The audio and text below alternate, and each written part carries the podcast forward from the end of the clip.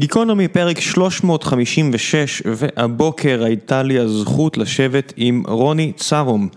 רוני הוא אה, באנגלית יש ביטוי שנקרא, באנגלית אה, של הרחוב, יש ביטוי שנקרא OG, אוריג'ינל גנגסטר, אומרים את זה על אה, חבר'ה משמעותיים בתחום מסוים שהיו שם אה, מההתחלה ובעצם אה, עזרו לעצב אותו או היוו השראה, אז רוני צרום הוא לגמרי OG של אה, תעשיית היזמות הטכנולוגית בארץ, הוא למד מדעי המחשב עוד בסוף שנות ה-80 ותחילת שנות ה-90, עשה את ה masters שלו בניו יורק והקים, היה יזם הבית של מה שלימים הפך להיות נטוויז'ן והוא הקים חברה ומכר אותה לקומברס במאות מיליוני דולרים והוא עשה עמותה שעוזרת לבני נוער. כבר 20 שנה בעצם הוא הגיע מרמלה ויצר לעצמו את ההזדמנות אבל להרבה אנשים אין את המזל שדרוש ולפגוש את האנשים הנכונים אז הוא עוזר להם מהכיוון הזה.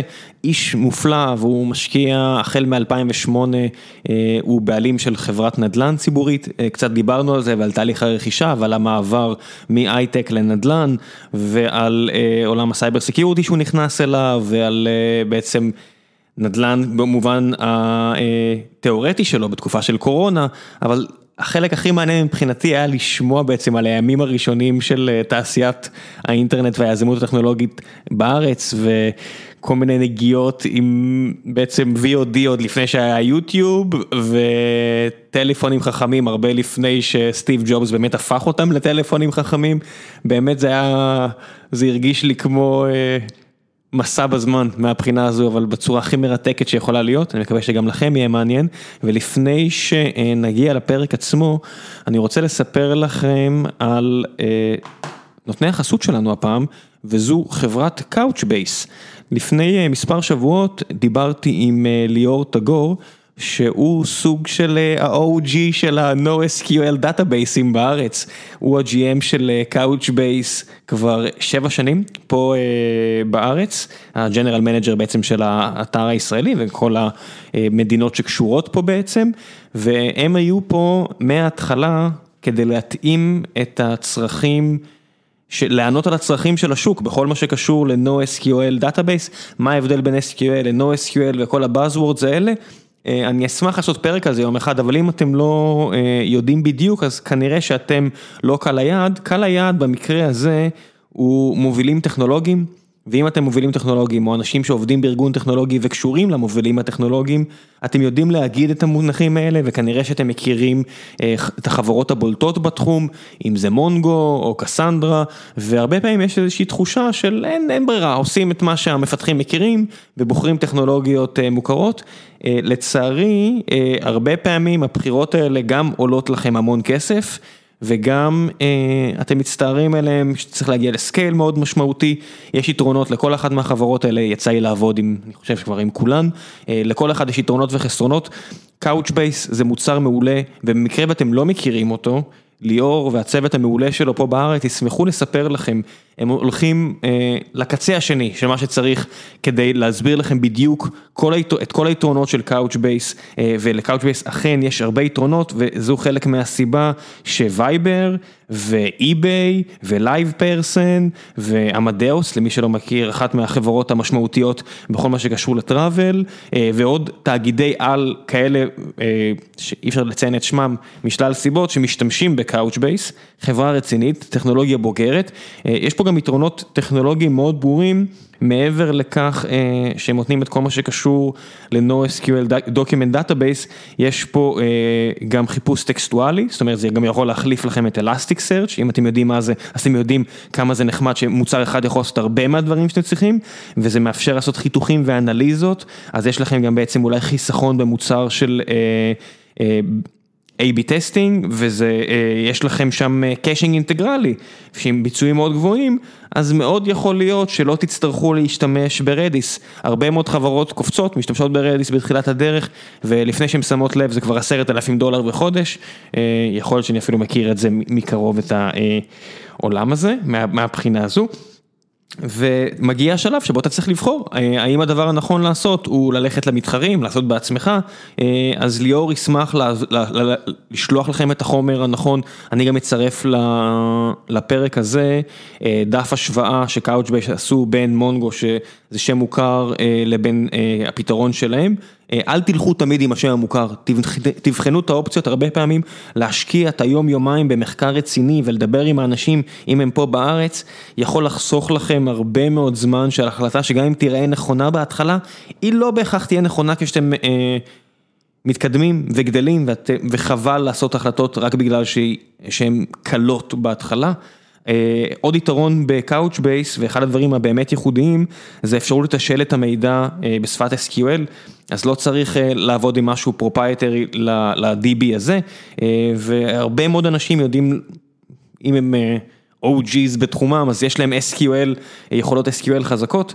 ואני מצטער אם אתם לא מהתחום וזה נשמע לכם כמו ברברת אבל כל הדברים האלה יש משמעות, אז אם מעניין אתכם, לכו ותקראו עליהם, אם אתם אה, מובילים טכנולוגיים בארגון שלכם, או קשורים למובילים הטכנולוגיים בארג, בארגון שלכם, צרו קשר עם ליאור, אני משאיר את האימייל אה, בדף של הפרק, אני משאיר לכם אה, את האימייל שלו, פשוט צרו איתו קשר, הוא ישמח לדבר איתכם, אה, אני משאיר לכם לינק באתר של Couchbase להשוואה בינם לבין Mongo, וזהו, דיברנו מספיק. יאללה, גיקונומי 356 עם רוני צרום, תהנו.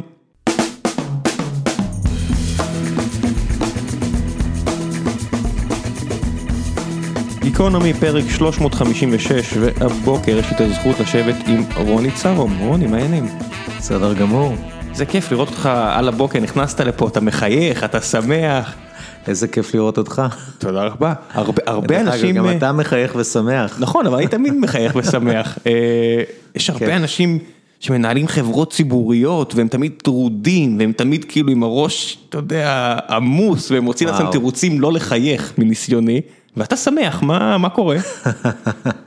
תקשיב, אני חושב שנגעת בנקודה סופר חשובה. בכלל, כל התפיסה על החיים, היא זו שמשפיעה אם אתה באמת שמח או לא. ואני תמיד, א', מסתכל על חצי הכוס המלאה, זה עוזר, עוזר להיות שמח.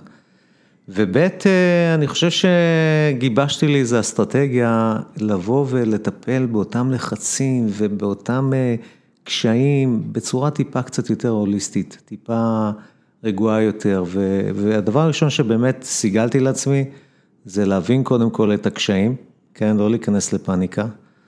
ולחפש דרך לפתור אותם, ואם יש לך באמת יכולת למצוא את הדרך, אז אתה לא צריך להיות לחוץ יותר מדי. זה היה ככה תמיד? והדבר אולי החשוב ביותר זה לא להיכנס לשטויות, זה זה אולי... כן, אתה יודע, החשוב ביותר. אפשר להביא משפטים מחז"ל ומכאן עד להודעה חדשה, לא להיכנס לשטויות. כן, זה זה, זה עניין פילוסופי מאוד מאוד גדול, כן, לדעת לא להיכנס לשטויות, להימנע מהם, וזה מונע ממך הרבה מאוד מהסטרס אחר כך. אבל גם אם עשית טעות אמיתית ואתה ניצב בפני בעיה, הדרך הנכונה זה להבין מהי, לטפל בה ולהוריד את הסטרס, כי אתה יודע שיש לך איזו תוכנית לטפל בה. זה ו... זה אחד הדברים המדהימים, להיות מוכן, אם אתה עושה את העבודה, כל כך הרבה יותר קל, אנשים אומרים, איך אתה לא לחוץ לפני פגישה גדולה, לפני פרויקט, כי עשיתי את העבודה לפני. זה נכון, זה נכון, אני חושב שבאמת... כן.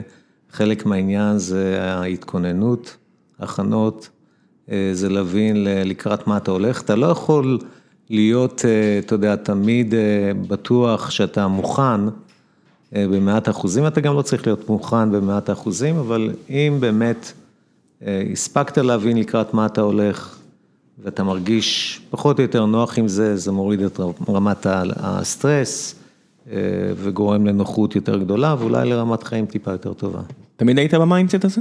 כן, אני חושב שאתה יודע, זה לא תמיד הצליח לי, אבל אני חושב שתמיד הייתי ב mindset הזה, איך לטפל בסטרס באופן כללי, איך לעבוד בסביבה מאוד מאוד מלחיצה מצד אחד, אבל מצד שני, כן למצוא את הדרכים שהסביבה הזאת היא כבר לא הופכת להיות מלחיצה, אלא היא סביבה טבעית לך. ואתה מרגיש בנוח, כי אתה יודע את המגבלות, אתה יודע את היכולות שלך בתוך אותה סביבה, וזה נותן תחושה אחרת לגמרי, אתה, וזה, וזה בעצם אני חושב מה שהופך אותי ליותר רגוע ו- ומחייך ושמח. זה מעולה. שמע, אתה גם עברת כ... כאיש מקצוע, כיזם, כ... כמשקיע, כאיך שלא תסתובב, כבעל חברה, את שלושת המשברים הגדולים האחרונים. ב-2000, אני חושב שבדיוק מכרתם את החברה לקונברס. נכון. זה היה מעט אחרי. מעט אחרי. 2008, אתה מחליט אה, לשנות כיוון ונכנס לעסקי הנדל"ן, בסדר, תכף נדבר גם על זה, ו-12 שנים לאחר מכן, בשיאה של אחת מהתקופות הכי לא ברורות ב- ב- בהיסטוריה, אולי ההיסטוריה המודרנית, אתה מנהל חברה ציבורית. ואתה, איך, איך זה פוגש אותך, המנטליות הזאת של להישאר רגוע, לבוא מוכן, כל הדברים האלו, בסיטואציה שבה אף אחד לא יודע מה קורה. קודם כל אני חייב לציין שאני לא מנהל חברה ציבורית, אלא אני הבעלים של חברה ציבורית, אה, אספן גרופ. תשמע, אני חושב שאנחנו אה, חיים בעולם דינמי, ואתה יודע, בסופו של דבר מי שלא ידע להשתנות ולהתאים את עצמו לעולם, מצא את עצמו באיזושהי צורה ניקחה, אתה יודע, זה מתחיל מהדינוזאורים ומגיע לדינוזאורים הכלכליים של היום. אה, ואני חושב שהדרך הנכונה זה להבין מה קורה מסביבך ולהתאים את עצמך, ואם אתה גם יכול לעשות את זה, כי כל, לא כל אחד יכול לבוא ולהגיד, שמע, הייתי בעולם ההייטק, ועכשיו אני בעצם עובר לעולם אחר לגמרי. זה דיסציפלינה אחרת, זה תפיסת עולם אחרת, אה, זה סוג של מושגים ו- ותחומים ו- והתעמקויות אחרות לגמרי. ואנשים שונים. ואנשים שונים, כן. אנשים שונים עם תרבות אה, עסקית אחרת לגמרי. ובכל זאת אה, זה מאוד מעניין, מאוד מעניין אה, לעבור מאספקטים טיפה נאיביים ו...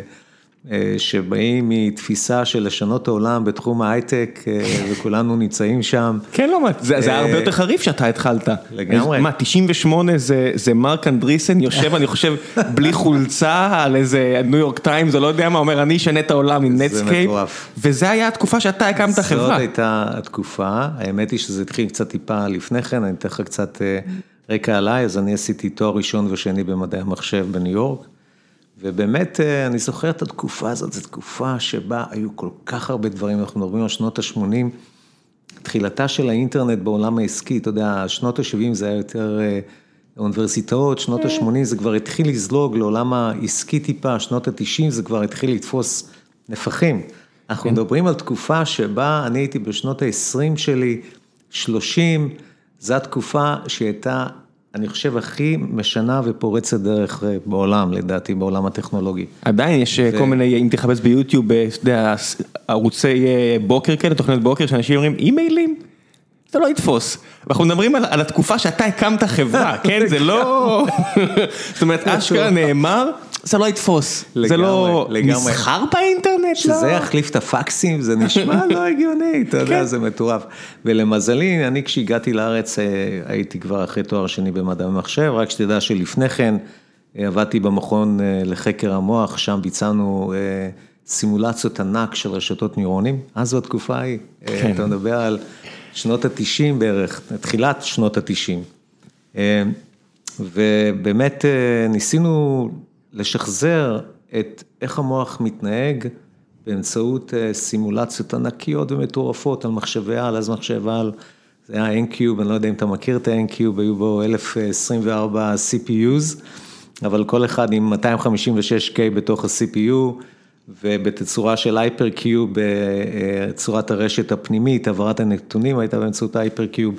מאוד מאוד אה, מצד אחד נשמע גדול ובומבסטי, 1024 פרוססים. והיום זה שתי לחיצות ב-AWS. לגמרי. אבל ממש. שני לחיצות, אני יכול לצעוק פה. מעבר למסדרון, אני "אה, מסכים יואב, איתך. תקפיץ את זה בככה וככה. לגמרי, לגמרי, ואני זוכר שהיו לנו הרבה מאוד דיונים של מה עושים, אתה יודע, הגענו למצב שבו ה-PC הגיע כבר ל-300 מגה הרץ, אוקיי?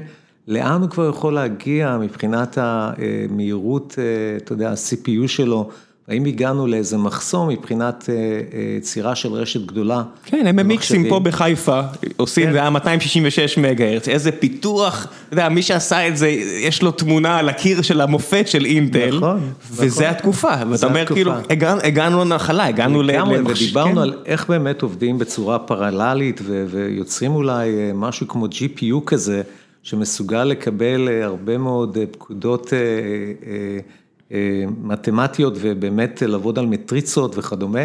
זה עוד לפני שבאמת ה-GPU בא לידי עבודה ובאמת לקח חלקים בתחום של artificial intelligence. היה כבר בתקופה ההיא, NVIDIA בתקופה ההיא באמת הולכים על זה ובאמת יוצא ה-G-Forceים הראשונים שהם באמת עושים מכפלת מטריצות. נכון. זה לא מעבדים קלאסיים, זה מה שהם עשים, אז הם לא הבינו שהם צריכים ללכת לעולם שלכם, כן, הם נשארו בגיימינג, אבל זה הגיע גם. זה נכון. אני בתואר השני שלי, כן, כמאסטר טיסס, החלטתי בעצם להשתמש בתפיסה אחרת לגמרי ממה שעבדתי בו ב-NSI, NSI היינו עושים reverse engineering, unfortunately לא אני נגעתי בקופים, אבל היו לוקחים קופים וחתולים ובודקים איך המוח שלהם היה בנוי, ועל בסיס זה היו יוצרים בעצם תשתית לרשת ניורונים שבנויה פחות או יותר באותה תצורה. והיו מגיעים לתוצאות מדהימות, היה לנו איזה רובוט כזה שנמצא בתוך איזה חדר, שרק על בסיס של reinforcement, היית אומר לו כן ולא, הוא ידע להיכנס פנימה, לקחת את הקוביות האדומות, לשים את זה בצד אחד, הקוביות הכחולות, לשים את זה בצד שני, ממש היה חושב בצורה סמי אנושית, אתה יודע, לפעמים היינו צוחקים שהוא יום אחד לא יקום עם איזה פטיש וירוק את סטיב שנמצא בחדר איתו. אבל... כן, שליחות כללית 2 יצא בדיוק כמה שנים לפני כן, הכניסו את הרעיונות האלה לראש. לגמרי, ובאמת אחר כך, אני חשתי שאתה יודע, יש גבול לכמה reverse engineering אתה יכול לעשות על המוח, והחלטתי ללכת עם תזה טיפה שונה, אמרתי, בעצם בני אדם נוצרו בצורה אבולוציונית, ואני לא רוצה לפגוע באף איש דתי שחושב אחרת כרגע. של הבריאות. אתה יודע, למרות שהמרצה שלי היה ב master thesis, היה דתי, כן, והיה לי קצת בעיה איתו באיך לבוא ולהסביר לו שבתהליך אבולוציוני אתה כן יכול ליצור ישות שחושבת מאפס כמעט, ובאמת בתרגיל הזה לקחתי רשתות ניורונים פרימיטיביות מאוד, רנדומליות, ודרך תהליך אבולוציוני הגענו לרשת ניורונית שהיא יותר אינטליגנטית, שפותרת בעיות מתמטיות ולוגיות. כן, אם בסוף יש פונקציית מטרה ואתה עושה עליה את האופטימיזציה, תכניס מספיק קלט, יהיה בסוף משהו, אתה תמצא את הדרך הנכונה לעבוד. לגמרי. זה בסוף זה רק כוח חישוב, אין מה לעשות. אין ספק, אין ספק, וכמה דורות אתה מחכה באמת, ואיזה כוח מחשוב יש לך, ומה באמת פונקציית המטרה, או ה fitness function שאותה אתה קובע. ואני לא אשכח את ה defense שלי, אתה יודע, כשהצגתי את זה בפני הפרופסורים המכובדים, שניים מהם היו דתיים, אחד יהודי והשני נוצרי. והצגתי את זה וציפיתי שתהיה ביקורת מצידם וכדומה, וכולם מחאו כפיים בסיומו של דברים, זה לקחת brain שהוא 3-dimensional ולהפוך אותו ל string דו-מימדי, כדי אחר כך לעשות לו cross-over עם string ים אחרים, בין נקודות חיתוך מאוד מאוד מוגדרות. ובאמת זה היה advanced בצורה מטורפת לתקופה ההיא, אתה מדבר לפני 26 שנים בערך, משהו כזה. 96-97. כן, 94 למען האמת, זו התקופה. ובאמת ציפיתי שאתה יודע, הם הציגו איזו התנגדות לתפיסה של, אתה יודע, הוכחתי כאן שבעצם באמצעות אבולוציה אתה יכול להביא באמת פול של רשתות ניורונים שהם פרימיטיביים למשהו אינטליגנטי. ולהפתעתי, אחרי שהם מחאו כפיים והודו לי על הפרזנטציה, שאלתי את אחד הפרופסורים הדתיים, למה הוא באמת מסכים למה שעשיתי, כאילו זה נראה כאילו מנוגד לכל תפיסת עולם שלו, אז הוא אמר, תדע לך שגם ביהדות מאמינים בתהליך אבולוציה, ולראיה, יש את יעקב, שבעצם יצר כבשים מתולעים באמצעות שידוך בין באמת כבשים שהם בהירים יותר וכאלו שהם קהים יותר. תשמע, בסוף, כן, ישראל אומן מסתובב איפשהו עכשיו בירושלים, ואני בטוח שאין לו בעיה למצוא הצדקות לכל מה שהוא רואה. נכון. והוא ממשיך עם המדע הלא רע שלו, צריך להגיד, הוא לא רע במדע, והוא מסתדר עם זה. אז כנראה שיש, ומוסלמים ונוצרים שחיים עם זה בשלום. נכון. אתה לא ראש בקיר, הכל בסדר. אתה תמצא דרך ליישב את זה בינך לבין עצמך. אבל מעניין אותי מאיפה באה ההשראה, זאת אומרת, אתה בערך בגיל שמה, זה גדל, אשר ובך? אני... זאת אומרת, אתה בערך בגיל שכולם קראו את הספר הזה, אתה יודע. נכון, נכון, נכון. אני, בוא אני אגיד לך משהו, אני כבר מגיל צעיר מאוד, מאוד אהבתי את עולם המדע. אני חושב שאתה יודע, כשהייתי קטן, בניגוד לכל החברים שבאמת אהבו את הכדורגל ואהבו פעילות ספורטיבית, אני די נמשכתי לספרי מדע, הדמויות החשובות אצלי בחיים היו כל המדענים המטורפים האלו, פרדאי ואלברט איינשטיין ומדאם קרי שהקריבה את חייה. ספרת פה בדיוק שלושה אנשים שהם בדיוק השלושה שהכי קל להזדהות איתם, באמת יש לי את הבובות שלהם פה בצד, של שלושתם, כי, לא, חושב מלבד פרדאי, כי הם שלושתם באו עם אינטואיציה. לגמרי. שלושתם עשו דברים כי זה היה מעניין והם הלכו על זה, זאת אומרת, ברור שהם היו מתמטיקאים, לפחות איינשטיין היה מתמטיקאי גדול, עם כל הצום מהסרט, הוא היה בסדר במתמטיקה, אבל עדיין הרוב זה היה אינטואיציות. ברור. אתה יודע, זה מסתכל על מה שפרדאי עשה, ולחשוב על מה שהוא עשה, גם קירי, בטח איינשטיין, זה לא נתפס, השכינה נגעה להם במצח. זה חייב להיות יצירתי.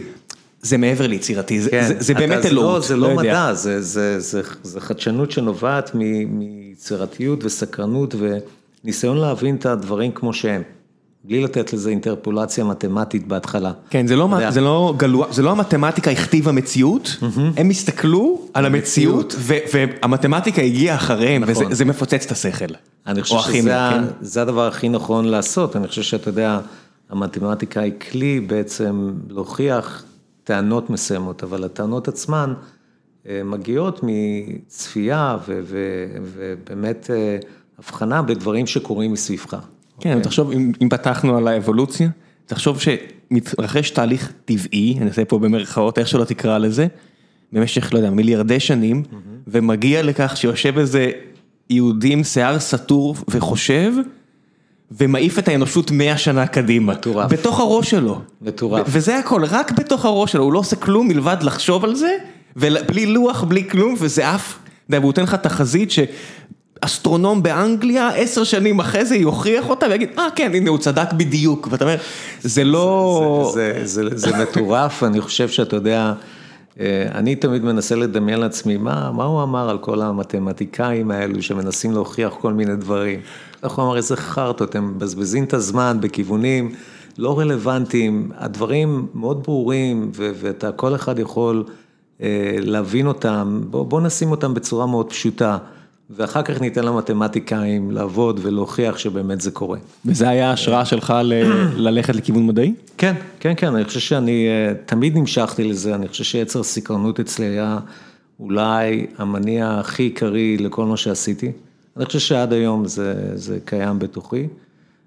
ובאמת, אתה יודע, והסקרנות אין לה גבול, אתה ברגע שאתה, יש לך את זה בפנים, אתה רוצה, אתה תמיד שואל, אתה תמיד חוקר, אתה תמיד רוצה לדעת יותר. ויש לזה משמעויות מרחיקות לכת ברגע שבאמת יש בתוכך את הסקרנות הזאת. אז למה מדעי המחשב ב-NYU? זאת אומרת בשנים האלה חלק מהמחלקה... זה לא היה ב-NYU, זה היה ב-City University of New York, למה דווקא בניו יורק ולא בארץ, או למה... כי בשנים האלה מדעי המחשב עדיין היה חלק ממתמטיקה בארץ, נכון, עדיין לא הייתה הפרדה של, אני חושב של 96 או 97, משהו כזה. זאת אומרת, זה עדיין חלק ממתמטיקה, אבל אין לך רתיעה עם מתמטיקה בבירור, אז זו לא הבעיה. מתמטיקה זאת לא הייתה הבעיה. אז איך אתה מוצא את עצמך בניו יורק? תשמע, אני תמיד התלבטתי בין קולנוע לבין... לבין עולם, אתה יודע, יותר מדעי ומדעי המחשב, וההתלבטות הזאת תמיד הייתה קיימת בתוכי, וחלק מגם הרצון שלי לבוא ולהרחיב טיפה את האופקים, זה היה לחוות גם חברה אחרת, מקום אחר, וכבר אז חשבתי על באמת איך אני מגיע לניו יורק וחווה תרבות שונה, חווה אנשים אחרים שנמצאים שם. וזה היה המניע העיקרי, המניע העיקרי שלי היה לבוא ולצאת טיפה מהארץ ולהרחיב את האופקים שלי במקומות אחרים. אז למה באמת מדעי המחשב, אתה יודע, החיבור הזה בין מדעי המחשב לקולנוע, זה עדיין לפני פיקסאר, או לא יודע, בזמן, עדיין אין את החיבור, היום זה נראה לי די טבעי, זאת אומרת היום אנשים מבינים שאתה יכול לעשות גרפיקה וזה קולנוע. וזה קולנוע ברמה הכי גבוהה, זה לא, זה קולנוע עם נשמה אפילו, בסדר? יש אנשים שהוכיחו שזה אפשרי. ואחרי זה מכרו לדיסני ואיבדו את הנשמה, אבל זה משהו אחר. אבל איך אתה עושה את החיבור הזה? תשמע, אני חושב שבשלב הזה גם התייעצתי עם חברה שלי דאז, כן, ואני חושב שקיבלנו החלטה נכונה, שאתה יודע, הקולנוע זה אחלה וזה טוב וזה נכון לנפש. תכלס, לעשות עם זה כסף או להתפתח, כנראה יהיה קשה, וחוץ מזה, אתה יודע, אני מאוד אוהב את העולם של מדעי המחשב, אני אוהב את המדע, אני אוהב, אז זה לא שאני נאלצתי להתפשר כאן, אני פשוט בחרתי באופציה שדרך אגב הייתה לי נטייה טיפה קצת אפילו יותר חזקה אליה, אוקיי? שזה הסיינס, מדע, אה, מחשבים. אה, אני לא אשכח שכבר בגיל העשרה היה לי מחשב קטן, כן? שרכשתי בכספי, אה, אתה יודע, שבאמת העסקתי בעבודה, אתה יודע, מאומצת במהלך ה... קיץ, אבל זה היה Z81, אני לא יודע אם אתה מכיר בכלל את הסוג סינקלר, Z81. מהמוזיאון בוואלי שם, של המחשבים של פעם, אני יודע שהם לאצניביל, ככה אני מכיר את הדגמים האלה. כן, היה לזה 1K של זיכרון, והייתי צריך, אתה יודע, לעשות management לכל שורת קוד ב-BASIC, כדי שבאמת זה ייכנס לזיכרון. כל register חשוב. לגמרי, לגמרי, זה היה מטורף. אז, אז עולם של המחשבים מאוד מאוד נגע בי כבר אה, בהיותי קטן ובילדותי, ולכן אה, זו הייתה משיכה טבעית להיכנס לעולם המחשבים, למדעי המחשב, ובאמת נהניתי מכל רגע, אתה יודע, ב, בלימודים ב, בניו יורק הייתי גם בקבוצות מחקר, קיבלתי scholarship uh, מ-DARPA, אתה יודע. אותה אינטרנט ראשונית. לגמרי, DARPA, האינטרנט הראשונית באמת, כן. שהתחילה... Uh, בהתחלה כאלמנטים צבאיים, ואחר כך הפכה להיות לאוניברסיטאות, כן, כן והפכה אחר כך commercial. אתה יודע, יש שם איזה תהליך אבולוציוני, אבל מאוד נהניתי מהלימודים עצמם, נהניתי מהמחקר, נהניתי מהחוויה של ללמוד את מדעי המחשב, גם תואר ראשון וגם תואר שני, ולעבוד בתחום. בתחום של בעצם רשתות ניורונים, אה, אה, Machine Learning, שאז בכלל לא קראו לזה Machine Learning, אלא פשוט uh, Neural Networks, אתה כן. יודע. זה מצחיק, זה נעלם ואז חזר, הביטוי הזה גם. כן. אה, ויזמות, זאת אומרת, הרבה אנשים בארץ, אני יש לי את התיאוריה שזה אריק ורדי, שראו שאריק הצליח ואמרו, טוב, בוא נעשה גם, אבל אתה בדיוק באותם השנים, אז היה פה גם נחמן שלף, שגם עליו זה לא עובד, כי הוא באמת היה גם מהראשונים, אני קורא לזה מה-OG's הראשונים, שזה בערך אתם. כן.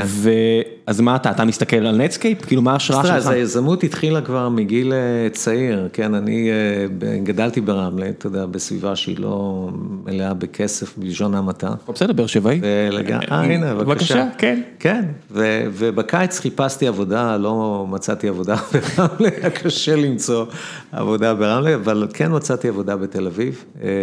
מכירת ספרים מבית לבית, עבודה מאוד פשוטה, הייתה אז... מאוד נפוצה, דרך אגב, היו כמה חברות שהתעסקו בהפצת ספרים מבית לבית. כן, אנציקלופדיה אביב או בריטניקה, זה הש... כן, מה שיש כן, זה כן, השליח שהגיע הביתה. לגמרי, לגמרי, כן. אתה דופק על הדלתות, אה, מקווה שיפתחו לך ולא יעיפו אותך מהדלת, ו, ובאמת הצלחתי, הצלחתי למכור יחסית הרבה מאוד אה, ספרים מבית לבית, ושנה אחרי זה הקמתי את החברה שלי, של, שהתעסקה במכירת ספרים מבית לבית. ועברתי את כל התהליך של הקמת חברה, אה, אם זה, אתה יודע, רישום ברשויות המס וכן הלאה, ו, ובאמת כרטיסי ביקור וליין אוף קרדיט שקיבלתי מהחברה שבעצם החזיקה באינבנטורי של ספרים, נתנה לי אותם כדי שאני אוכל למכור אותם וכן הלאה. ולכן אני אומר, התחושה של יזמות כבר פעמה בי כשהייתי קטן, וזה משהו שליווה אותי למשך כל הזמן. אה, כן עשיתי איזה פוזה קטנה ב, בלימודים, אה, מן הסתם, ואני זוכר שלקראת סיום תואר שני ישבתי באיזה בית קפה או בר, כבר לא זוכר, עם כמה חברים, אמרתי, וואו, אם היה אפשר בעולם האינטרנט הזה המתפתח, להעביר גם קול וגם פקסים, אתה יודע, ממקום למקום, על גבי תשתית הדאטה של האינטרנט, אתה יודע. ובאמת המיזם הראשון שלי היה המיזם הזה. אתה מבין, הכי קלאסי היה, אה, אתה אומר, אתה אומר, זה באמת זה, אבל הכי קלאסי היה שתקים חנות ספרים בסיאטל. לגמרי. אתה יודע, אם היית... יכול להיות ששם אה, הייתי כן. מצליח יותר, who knows. אם הסיפור הזה היה אה, עושה איזה מעבר לחנות ספרים בסיאטל שמתפתח, אז אתה אומר, אוקיי, הנה הבנתי את הסיפור, אבל אתה אומר, מכרתי ספרים. אז עברתי לפקסים מיליון, אוקיי, מה קרה? אז באמת, כאילו, איך קרה שאתה מגיע מעולמות של B2C, למכור ל-end users ספרים, ואז אתה אה, נוגע בעולמות של Hardcore אה, Science, Masters, מדעי המוח, אה, מימיקה של המוח האנושי באיזושהי פרשנות אישית שלך. לגמרי. ואז אתה עובר לעולמות ה-Enterprise Communication, מה קרה? תראה, אז הייתי באקדמיה יחסית הרבה זמן, לי לפחות, נראה לי היה אה, מוגזם אפילו, כן? האמת היא שהייתי במסלול שאמור היה להוביל אותי ל-PhD, והחלטתי בתואר שני לעצור כאן ולהגיד, שמע, האקדמיה שירתה אותי טוב מאוד, נהניתי מכל רגע, אבל הגיע הזמן לעשות כסף. אני זוכר את השיחה שלי עם, עם אשתי בעניין הזה, לקראת סיום תואר שני. ובאמת אמרנו, יש שתי אופציות, אופציה אחת זה להמשיך בלימודים, אולי עוד ארבע שנים של תואר שלישי, ואופציה שנייה זה לעשות את המיליון דולר ולחזור חזרה ללמוד. זה היה מובנה. יעד צנוע. זה יעד צנוע, כן. יעד זה, אבל שמתי את זה על השולחן והחלטנו שבאמת בוא נעשה הפסקה קצת מהלימודים.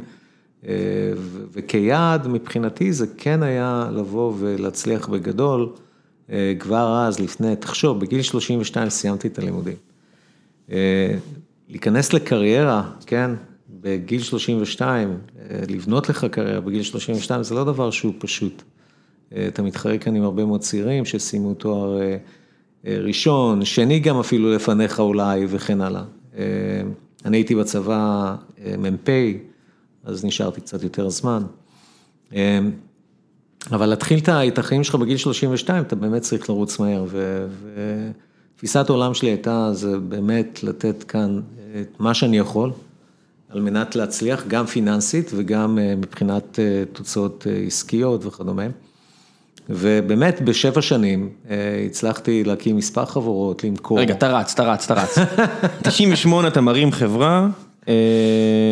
ומעניין אותי כאילו למה דווקא בתחום הזה, זאת אומרת באמת כי זה מתפתח מאיזשהו, הבנת שיש צורך? אתה מדבר על איזה חברה? 98, מכרת לקומברס. אה, לא, לא, אז בוא נתחיל לפני כן, לפני כן, החלטתי שאני איפשהו מסיים את הלימודים וחוזר לארץ, וחיפשתי עבודה, ולמזלי, אתה יודע, מישהו שמגיע עם תואר שני, ניסיון ב...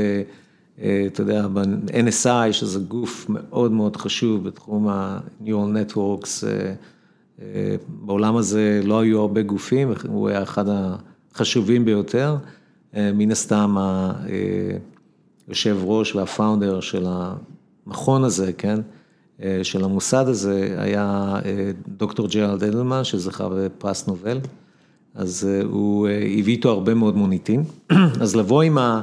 credentials האלו לארץ, די פתחו בפניי, נפתחו בפניי הרבה מאוד דלתות. בין היתר, היה לי את הדילמה האם להמשיך הלאה לעולם התכנות, או לבוא טיפה קצת לעולם היזמות. ויש כאן איזו דילמה מאוד מאוד קשה, כי יש לך את הביטחון התעסוקתי שנמצא בעולם התכנות, כן, כמתכנת, וכשאתה יוצא לעולם היזמות, אתה די, די מוריד את כל ההגנה שלך.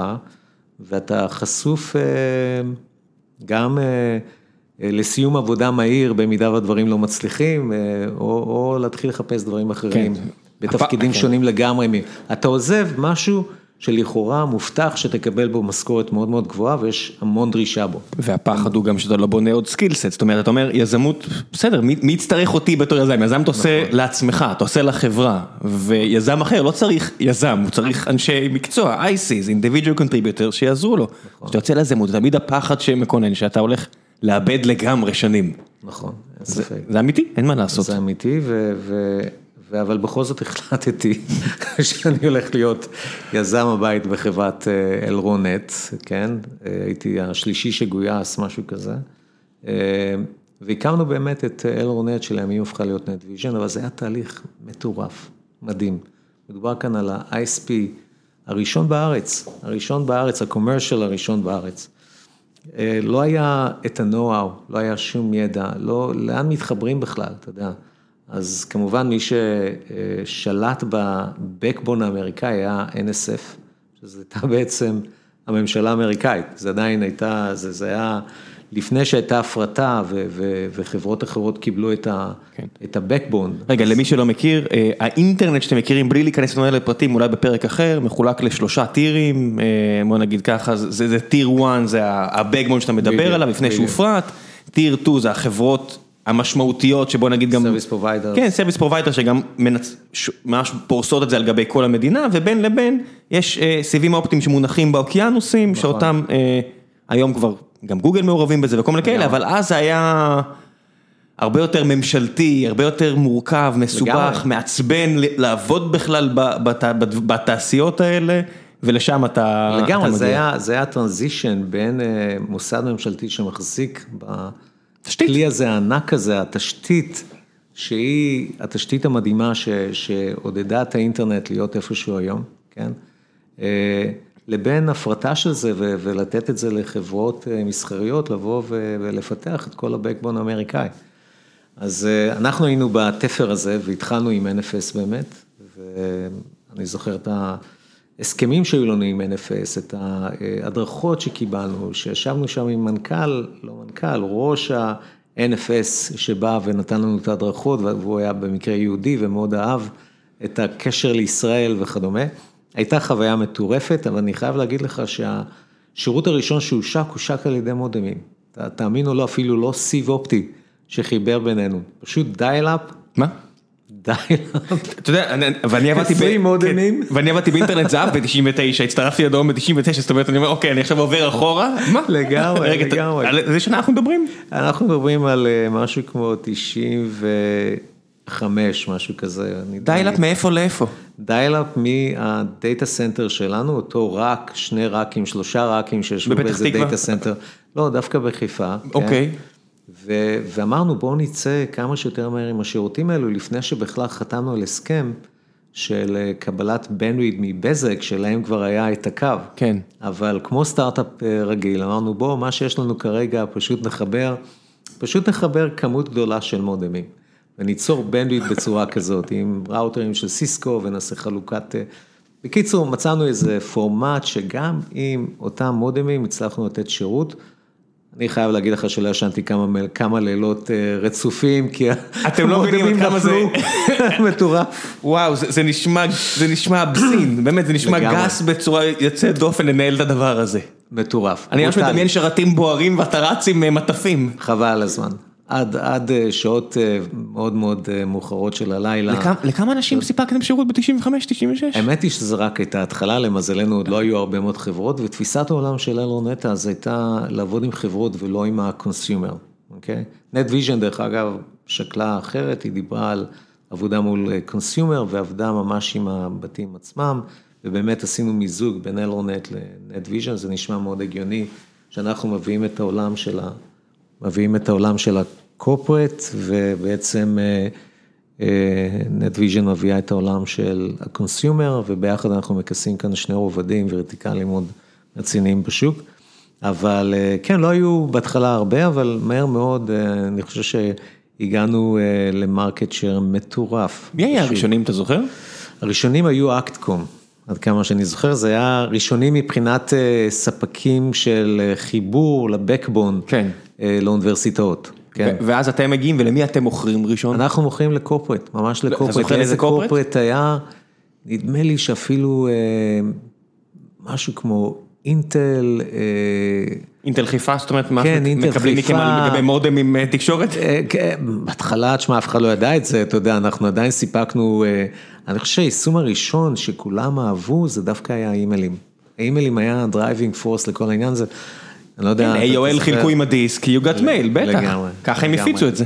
לגמרי, אז נושא של האימיילים היה סופר חשוב, ולכן אה, זה היה בעצם אה, כוח המשיכה שלנו, שבאנו ל-corporate ואמרנו, תשמעו, החיבורים בין הארגונים שלכם ברחבי העולם, יאפשרו לכם בעצם לשלוח במקום פקסים, לשלוח אימיילים בצורה קלה.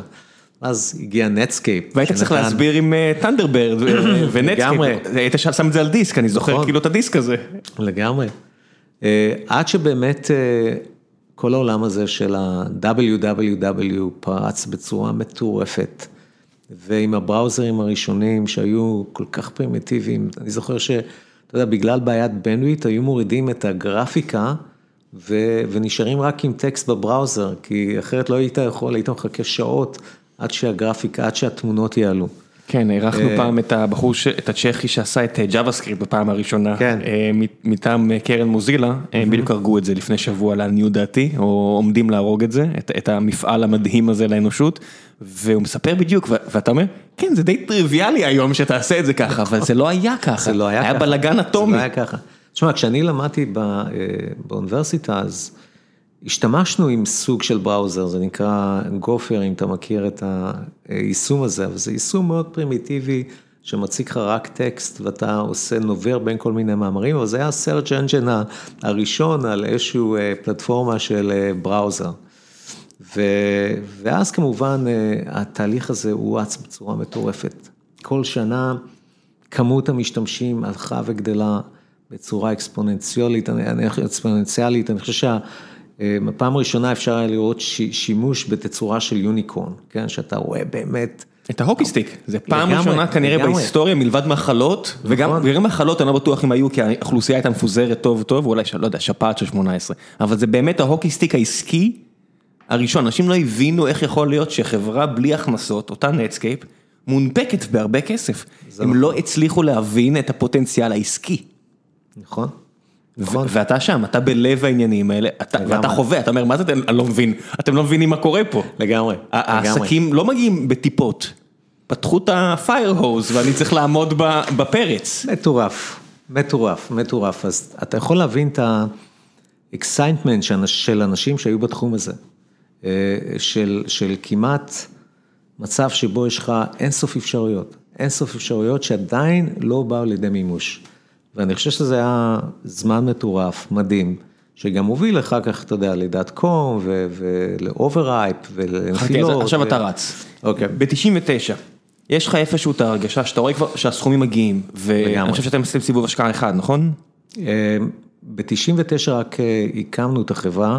אתה מדבר על Exalink? כן, את Exalink, לא ב-98 הקמתם אותה? לא, לא, לא, לא, הייתה חברה קודמת, אני הקמתי חברה אחרת שנקראתה RLNet, שבעצם יצאה להנפקה, ולאחריה הקמתי ב-99, לקראת סוף 99, תחילתה של 2000, כן? בוא נגיד שבפועל התחלנו לעבוד ב-2000, אוקיי? ב Exalink. וב Exalink אה, זה היה סיפור בפני עצמו, סיפור מאוד אה, מרתק ומשעשע. אני החלטתי לעזוב בעצם את RLNet כי... החלטתי שאני רוצה לייצר משהו, לעשות משהו חדש, משהו מגניב, מדהים, אה, ובאמת הפעם בכסף שלי, אה, כמו אה, עד היום הייתי entrepreneur in residence, אתה יודע, הייתי בעצם יזם בית, עשיתי את זה בשביל חברות אחרות, בואו אני אעשה את זה בשבילי. ובאמת עזבתי את החממה המדהימה של שכר מטורף והכל, ורכב וכל התנאים. החגיגה של סוף שנות ה-90. לגמרי, חגיגה מטורפת. והלכתי והקמתי את החברה שלי, אבל לפני שהקמתי, עשיתי מחקר קטן לראות מה, איזה דברים שמעניינים אותי ובעצם הם מגמה מטורפת בשוק, קיימים, זאת אומרת שאוכל אה, באמת להשתמש בהם כמנוע לחברה הבאה שלי, וגיליתי שהווידאו הוא עולם מקסים ומדהים, וכל הדיגיטציה של וידאו הולכת להיות משהו מטורף. ובאתי עם איזה רעיון ראשוני של לקחת את העולם של הוידאו לעולם הענן, כן, אז לא היה ענן, ולשים את זה איפשהו במקום מרכזי, אה, עם פלטפורמה של אה, וידאו, אה, וכך שאתה יודע, כל אותן חברות ענק שמספקות תכנים, יוכלו בעצם גם להקליט את התכנים, לכאורה להקליט, אבל יהיה להם מקום שבהם הם יוכלו לשים את התכנים, והמשתמשים יוכלו לחזור חזרה. ולצפות בתכנים, on demand, בדיוק. VOD. מה שאתם מכירים היום בתור רעיון קטן לגמרי, של... לגמרי, לגמרי. כן, אם מקודם אמרנו איך אתה לא ג'ף בזוס, עכשיו אני אומר איך אתה, איך אתה, איך אתה לא יוטיוב. אבל אתה חושב על, על VOD בשנת 2000, זאת אומרת, הרבה אנשים חגים סביב העולם הזה, אקמיים נכון, מתחילים להריץ נכון, CDNים נכון, וכל מיני כאלה. נכון, ובאמת אה, עשיתי בדיקה והבנתי שהתפיסת עולם שלי הטכנולוגית, היא כבר פסה, כי יש כבר חברות שבאמת התחילו ועשו עבודה פנטסטית ונהדרת, וכנראה זה יהיה מיטו ולא משהו חדשני. והייתי סופר מדוכא, ואני זוכר שהלכתי באמת אה, אה, לאיבנט אה, בלאס וגאס, ואתה רואה כל כך הרבה חברות שמציגות תוכנות מדהימות בתחום ה-VOD וכדומה, וחזרתי לחדר שלי מדוכא, ואני אומר, בוא'נה. ואז, ואז איפשהו עלה לי, עלה לי רעיון חדש, והסתכלתי על הטלפון שלי ואני אומר, וואו, אם יכולתי לראות גם וידאו וגם לשחק משחקים בטלפון הזה, זה היה מטורף, אני לא מבין למה הדבר הזה לא קיים. אין לי, ובאמת, אה, וצץ לי רעיון, לבוא ולהקים חברה שמאפשרת לטלפונים סלולריים להתחבר לאינטרנט, להציג תכנים, לאפשר לטלפון לשחק משחקים וכדומה. עד כמה אתה מכיר רשתות סלולריות באותו רגע? באותו רגע מעט מאוד, למען האמת מעט מאוד. כן הכרתי את המכשיר שלי ומכשירים של אחרים שלא תמכו בשום דבר כזה. כן, אותו נוקיה של פעם. נוקיה של פעם שהיה לו שלוש שורות טקסט, אם היה גרפיקה זה היה במסך שנפתח, לא יותר מזה, אבל הוא לא הציג שום דבר מעניין. ויותר מזה, המגמה הייתה להקטין את המכשיר כמה שאפשר, כדי שיהיה יותר לך... דוב מורן מפנטז כבר על מכשירים שנכנסים בכיס הקטן של הג'ינס. לגמרי, לגמרי. אז באמת, זה הכניס בי כל כך הרבה אנרגיות. אתה יודע, בפעם הראשונה הבנתי שאני הולך כאן על מגמה שהיא מטורפת, שעדיין לא ממש נגעו בה. אני זוכר שהתקשרתי לאשתי ואמרתי לה, תקשיב רגע, יש bad news ו-good news. ה-bad news זה ש... יוצאים שוב. ה-bad news זה שאנחנו לא, אנחנו כנראה, אני לא, לא, לא אפתח את המיזם שחשבתי עליו, ה-good news שיש לי מיזם אחר. ו, ובאמת תיארתי בפניה מה, מה הולך, מרוב excitement פנימי שלי תיארתי בפניה, אבל היא לא כל כך... זה לא כל כך עניין, עניין אותה, היא אמרה, אחלה, העיקר שאתה מבסוט, יאללה, בוא הביתה. נשמע שאתה שמח, בוא, תחזור, תחזור, תעלה על טיסה. בדיוק. כן. ואני זוכר שאתה יודע, בתקופה הזאת היה לי כבר שותף, משקיע, אתה יודע, אלון תירוש, כבר רצה לשים 50 אלף במיזם של ה-VOD, ואני בא אליו, אני אומר לו, אילון, תקשיב רגע. מה זה מרץ, אפריל, מתי אנחנו מדברים? זה היה בסביבות... לא, ספטמבר כבר 99. זאת אומרת, ממש על הסף. ממש על הסף, אני חושב. הבועה בשיא גודלה, חברות בשיא שייקח להם 15-12 שנה לחזור לשווי שבהם היו. ותחשוב שאין עדיין טלפון שמציג תכנים בצורה נכונה. כן, אבל זה בדיוק התקופה לתת מונשוטס, אתה יודע, אם פץ.קום עושה הנפקה ענקית, למה שאתה לא תעשה את זה? אין ספק. ואתה מתחיל לעבוד. ובאמת הצגתי בפניו, אמרתי לו, גם כאן יש, אתה יודע, bad news זה שכנראה לא נלך למיזם הזה משותף ביחד, אבל אם אתה רוצה להצטרף למיזם האחר שאני חושב עליו, שזה בעצם להבאת תכנים לטלפונים סלולריים, אז אתה מוזמן ואתה, אז אמרת, תן לי לחשוב על זה יום, יום אחד, יום אחרי זה כבר התקשר אליי, אומר, אמין, והקמנו את החברה. והיה קושי לבוא ולגייס כסף לזה, אתה יודע, לבוא עכשיו לסקויה ולהציג להם את הדברים, וכמעט לכל VC גדול שהצגת לו את ה vision של טלפונים סלולריים שמציגים תכנים מהאינטרנט. במצב שבו יש לך טלפון של נוקיה עם שלוש שורות, שחור לבן, שלא מסוגל להציג גרפיקה, מבחינתם זה היה leap מאוד מאוד גדול. שנים קדימה זה היה leap מאוד גדול. בדיוק. אתה מדבר שמונה שנים קדימה, עדיין ה board של נוקיה בפינלנד לא מאמין שזה יקרה. גם הבורד וגם ה-VCs הגדולים גם כן, לא מרגישים שזה משהו שיכול לקרות. אותה סקויה משקיעה בסיסקו שהופכת להיות החברה הכי גדולה, בעלת השווי הכי גדול בעולם. נכון. השקעה זעומה של סקויה הופכת לעניות דעתי למאות מיליוני דולרים, אם אני זוכר נכון את המספרים. והם עכשיו מתחילים בעצם בפעם הראשונה לבחון כל רעיון בתור... האם זה רעיון של מיליארד דולר, זאת אומרת המנטליות של האם זה יוניקורן, לא יודע אם זה נקרא אז ככה, נולדת בערך עם האנשים שפגשת שם. נכון, נכון, נכון, נכון. אבל בכל זאת כן מצאנו אנג'לים, וזה אולי התפקיד המדהים של אנג'לס, שאתה יודע, הם לא ממוסדים, הם לא כאלו שצריכים לבוא ולעבור ועדות, והם יכולים להשקיע כי הם מרגישים ברמה האינטואיטיבית שיש כאן משהו. מי זה היה? עם מי נפגשת? שרפה, עם יו-יו, אם אתה זוכר את יו-יו, עוד כמה חבר'ה נחמדים משרפה, אבל זה היה באמת מין ארגון שהכיל בתוכו מספר אנג'לים, וקיבלנו השקעה של חצי מיליון, זאת הייתה השקעה ראשונית. זה היה נחשב הרבה אז? חצי מיליון, לא חושב שזה נחשב הרבה, אבל זה נחשב כמשהו שמאפשר לך ליצור prototype, ליצור התכנות, כן.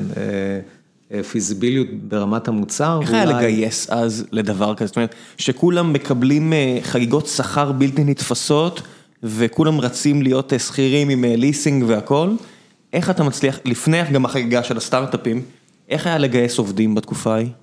קודם כל מאוד קשה, אין ספק, גם אז התחרות הייתה מטורפת. אבל היא מטורפת בכיוון אחר, עכשיו זה סטארט-אפים נלחמים בסטארט-אפים, זה נכון. וקורפרט צריכים להצדיק את עצמם.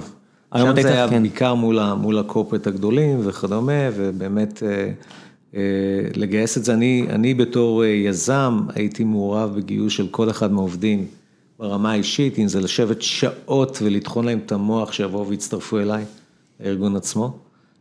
זאת הייתה החשיבות שלי מבחינת ה-value שיש בעסק, זה בעצם ה-value מרוכז בעובדים.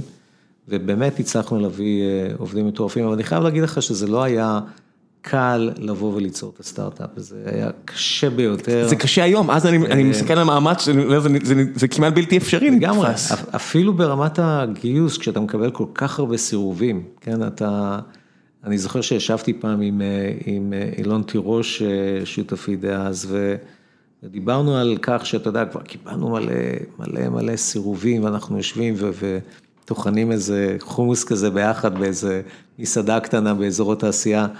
אני אומר לו, אתה יודע מה, אולי אה, בוא ניקח את הכסף הזה הקטן שנשאר לנו, בוא נמכור פיתות, נבנה איזה, איזה סטארט-אפ על הבסיס הזה.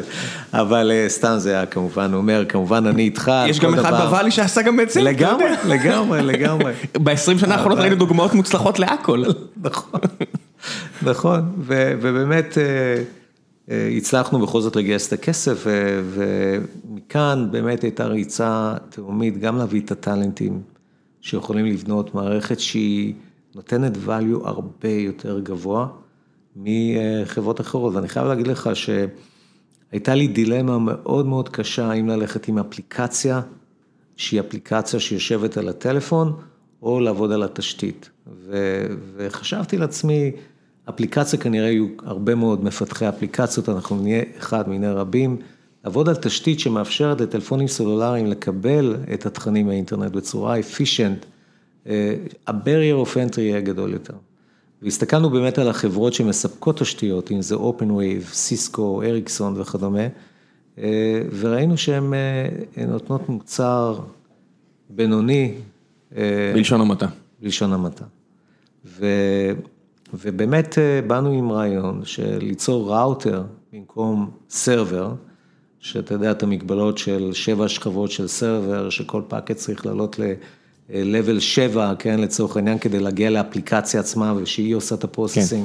ב- לדבר ממש, רק בסוגריים, אה, שבע שכבות, מה שהפך להיות חמש השכבות, בסוף כל פרט מידע שעובר לכם ברשת עובר משכבת הברזלים לשכבת ה MAC, לשכבת ה-TCP, IP, אפליקציה. זאת אומרת, יש שכבות, נכון. יש ממש, זה נורא מתודולוגי, החתיכת מידע מהרגע שהיא עוברת ממקום אחד למקור אחר, היא יורדת, עולה בשכבות, אה, מעניין אתכם, לכו לוויקיפדיה תקראו, מבטיח לכם שזה מרתק, אבל סוגר את הלופ ואתה אומר, לא, אנחנו, ירד, אנחנו ירדנו ל-level 3 ואמרנו בוא ניקח את הפקטים, נעשה להם Deep Inspection, אה, ניצור שם אפילו תהליך שבו אנחנו לא פותחים את ההצפנות, אלא עושים End-to-End Security, מה שהם היו חייבים לפתוח את ההצפנה כדי לטפל ב, אה, ברמת האפליקציה, ברמת ה-application level. ובאמת הגענו למוצר שהוא by far הרבה יותר מהיר, הרבה יותר טוב, הרבה יותר secure מהתחרות, ואני לא אשכח את הדיל הראשון המשמעותי שהיה לנו עם Bouygues Telecom, ששם היינו בתחרות עם אה, חברות כמו אריקסון, עם סיסקו וכל היתר, והגענו לשלב החברה הכי האחרון. גדולה בעולם, אני מזכיר, אה, לגמרי. ואז, בעלת כן. השווי הכי גדול בעולם, נכון, נכון. בשנה הזו. נכון. ו- והגענו בתור סטארט-אפ קטן, פצפון, בתחרות הזאת לשורט-ליסט, אוקיי? ואני לא אשכח שבאים אליי ואומרים לי, תשמע, אנחנו ממש לפני הכרעה, צריך לעשות כאן איזה משהו דרמטי. אמרתי, אני טס לפגוש את מיסטר בואי, כן? בואי זה הבעלים של בואי טלקום, ו- ובואו אני אסביר לו למה אנחנו בי פאר הרבה יותר טובים מהתחרות. ובאמת סידרו לי פגישה איתו, יום לפני ממש ההחלטה עם מי הם הולכים. אה, לא יודע אם שווה להגיד את זה כאן או לא, אבל anyway, ישבנו ביחד באיזה פנטהאוס מטורף, במבנה כזה יפה, עם ארוחת אה, שולחן ש, שנמצא במקום כזה מרכזי בפנטהאוס הזה, עם, אה, מגישים לנו אוכל צרפתי מדהים, עם, אה, עם יין וכדומה, ואני מספר לו פחות או יותר מה ה vision של עולם האינטרנט, ולאן, אה, לאן, איך מתחבר הטלפון לעולם האינטרנט, ומה הולך להיות בעתיד. שיהיו מסכים הרבה יותר גדולים, מסכים צבעוניים, עם הרבה מאוד תכנים, זה יהפוך להיות בעצם המחשב הפרטי שלך, במקום במשרד, תוכל לקחת את הכל איתך. הוא מאוד נהנה מזה, מאוד נהנה מזה.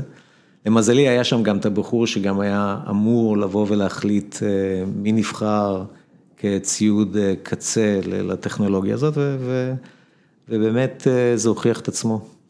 שבוע לאחר מכן קיבלנו את הבשורה המטורפת של הסכם של 2.5 מיליון דולר שעובר לרשותנו וזכינו בדיל הזה, אבל זה היה מאוד בתולי, אנשים כן רצו להבין טיפה יותר לאן הכיוון הזה הולך, זה סקרן אותם, זה עניין אותם.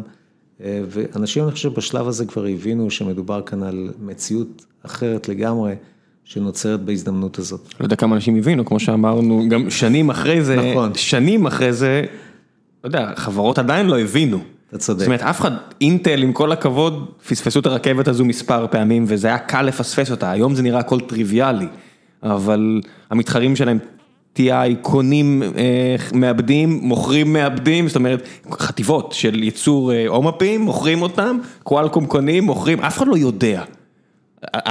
הידע הוויסרלי הזה שהיה לך של אני מרגיש שזה מה שהולך להיות, עד שלא מגיע סטיב ג'ובס ומציג לעולם, אף אחד לא ידע. שזה מטורף שזה קרה כמה שנים אחרי שאנחנו כן. בכלל עשינו את האקסיט המטורף הזה. אה, וזה רק מראה לך שבאמת האדפטציה... קומברס פנו אליכם? כן, כן, כן. קומברס מסתבר ניסו לפתח משהו דומה אה, במשך כמה שנים ולא הצליחו. אה, טכנולוגית? הם לא פיתחו את זה? טכנולוגית. הם הלכו פשוט על משהו אחר לגמרי, על שכבה אחרת? על שכבה אחרת לגמרי כנראה, ובאמת אה, לא הצליחו להגיע ל scale ולאיכויות וכדומה. ואני חייב להגיד לך שלפני המכירה של Exalink היו מונחות בפניי הרבה מאוד term sheets, כן? להשקעה, לא למכירה. להשקעה וגם הצעות לרכישה, כן, אפילו open wave הגדולה שיצאה להנפקה, אה, רצת, ביקרה אותי במשרד, אה, בגישוש לרכוש את הטכנולוגיה שלנו. זאת אומרת, היה, לנו, היה לי מרחב גדול מאוד לתמרון שם, ובאמת אה, יכולתי להתעקש על משא ומתן טיפה יותר טוב. תמיד החבר'ה מקונברס מתלוצצים שיכולתי לקבל הרבה יותר. אני מתלוצץ שהם יכלו לקבל את זה הרבה יותר בזול. כן, ככה זה משא ומתן בתנאים של אי סימטריה, הכל יכול להיות. הכל יכול להיות. כן, זה לא נדל"ן שבו כולם רואים את המידע זמין. לגמרי, לגמרי. כן. ובאמת, אה, אתה יודע, the rest is history. אתה מצטער באיזשהו שלב? מצטער על מה? זאת אומרת... על מכירה במחיר אה, זה? לא, המחיר עצמו הוא לא, פחות מעניין לא. כי הכל סבבה, אבל האם... אתה יודע, על, על, היית שם בנקודה של קומרס וספרים, היית שם בנקודה של אה, VOD אה, בהתפתחות של גם תשתית וגם אפליקטיבי. אתה אומר, ואתה רואה, ראית, אתה רואה את ה... את ה לאיפה זה הלך? חסר לך. יכלת לבנות את הדבר הכי גדול? לא, לא חסר לי בכלל למען האמת, כי אתה יודע, אני אה, באופן עקרוני מאוד מרוצה עם מה שיש לי. כן, זה פתחנו. זה פתחנו, אתה יודע, כן. זה, זה, וזה כיף. ואני חושב שאחרי האקסיט הגדול הזה, הייתי צריך לבוא ולהמציא את עצמי מחדש טיפה, כי אתה מגיע לפסגה. איך מתאוששים מדבר כזה? שאלה טובה, זה לא, זה לא קל, זה לא קל, בהתחלה אתה באמת, אה, אתה באמת רוצה ליהנות אה, מכל דבר כמעט אה, וכדומה, אני זוכר שהדבר הראשון שרכשתי זה, זה עט מונט בלאנק כזה, שתמיד פינטסטי עליה, כסופה כזאת. כן. וזה היה בשבילי, זה משהו מטורף, וואו. סימן לך הצלחה? סימן לי הצלחה מאוד מאוד גדולה. אה, אבל להתאושש מדבר כזה זה לא קל. שמרת את זה עד היום? לא, האמת היא שנתתי את זה במתנה למישהו. אה, וואי, באמת? וזה שאחד מהמשקיעים אצלי ב... זה אמרתי לו, זה ממני. אוקיי. אז... אה, אבל, אבל...